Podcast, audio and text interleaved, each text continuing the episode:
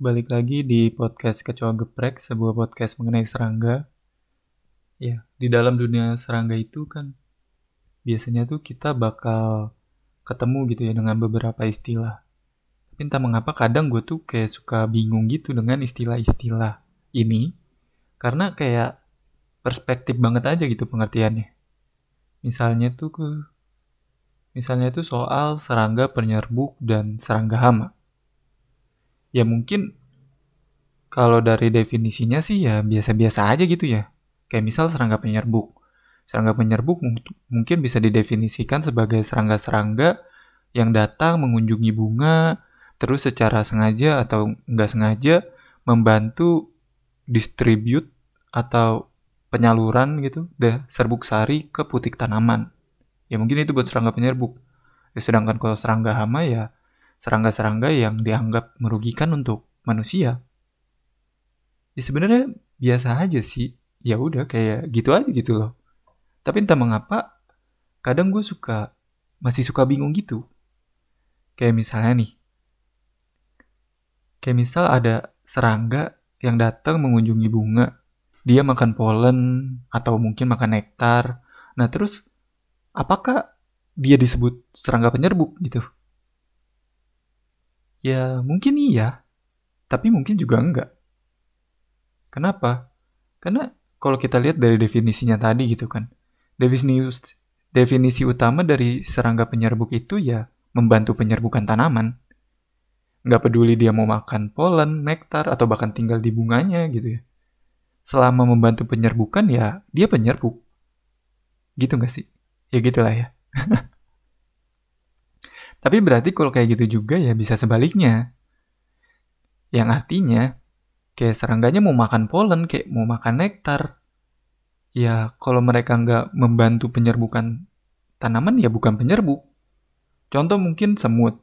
Semut ini datang ke bunga jantan, dia di sana ngambil polen, dan terus pulang. Ya udah pulang gitu aja gitu tanpa nyalurin polen tersebut ke bunga betina. Mungkin itu kali ya, yang ngebuat gue masih suka bingung. Terus pertanyaannya kan gak berhenti sampai di sana gitu ya. Pertanyaan tuh bisa aja bakal berlanjut lagi. Kayak misalnya tadi, lah terus kalau bukan penyerbuk, lantas apa? Berarti apakah dia ini hama? Ya karena kan dia bukan penyerbuk. Ya, ya nggak gitu juga. Ya kan? Ya bingung deh tuh. Ya karena tadi kan di awal juga kita mendefine hama. Jadi kayak hama tuh ya punya pengertian sendiri juga. Kayak di awal tadi misal hama itu dipakainya kan untuk serangga-serangga yang dianggap merugikan. Merugikan buat siapa? Ya buat manusia. Karena manusia yang mendefine suatu serangga itu hama atau bukan. Yang itu juga artinya kan berarti nggak semua serangga yang datang ke tanaman dan memakan bagian tanaman itu otomatis jadi hama gitu. Contohnya misal kayak serangga-serangga yang makan atau mungkin lebih tepatnya mengendalikan gulma gitu kan. Apakah mereka hama? Ya enggak. Kan kita nggak dirugikan. Justru malah diuntungkan. Jadi, jadi mungkin ini tuh kayak semacam cuma permainan manusia aja gitu kali ya dalam mendefinisikan serangga kayak kita mendefinisikan serangga ini penyerbuk, serangga ini hama.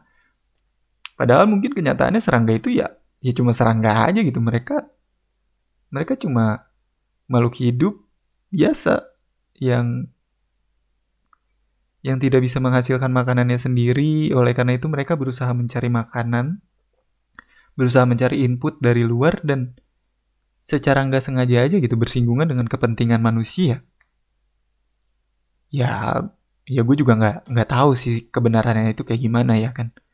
Ya gue nggak tahu di dalam dunia serangga aslinya tuh kayak gimana. Ya mungkin aja kan mereka juga belajar gitu. Mereka belajar dari para tetuanya gitu.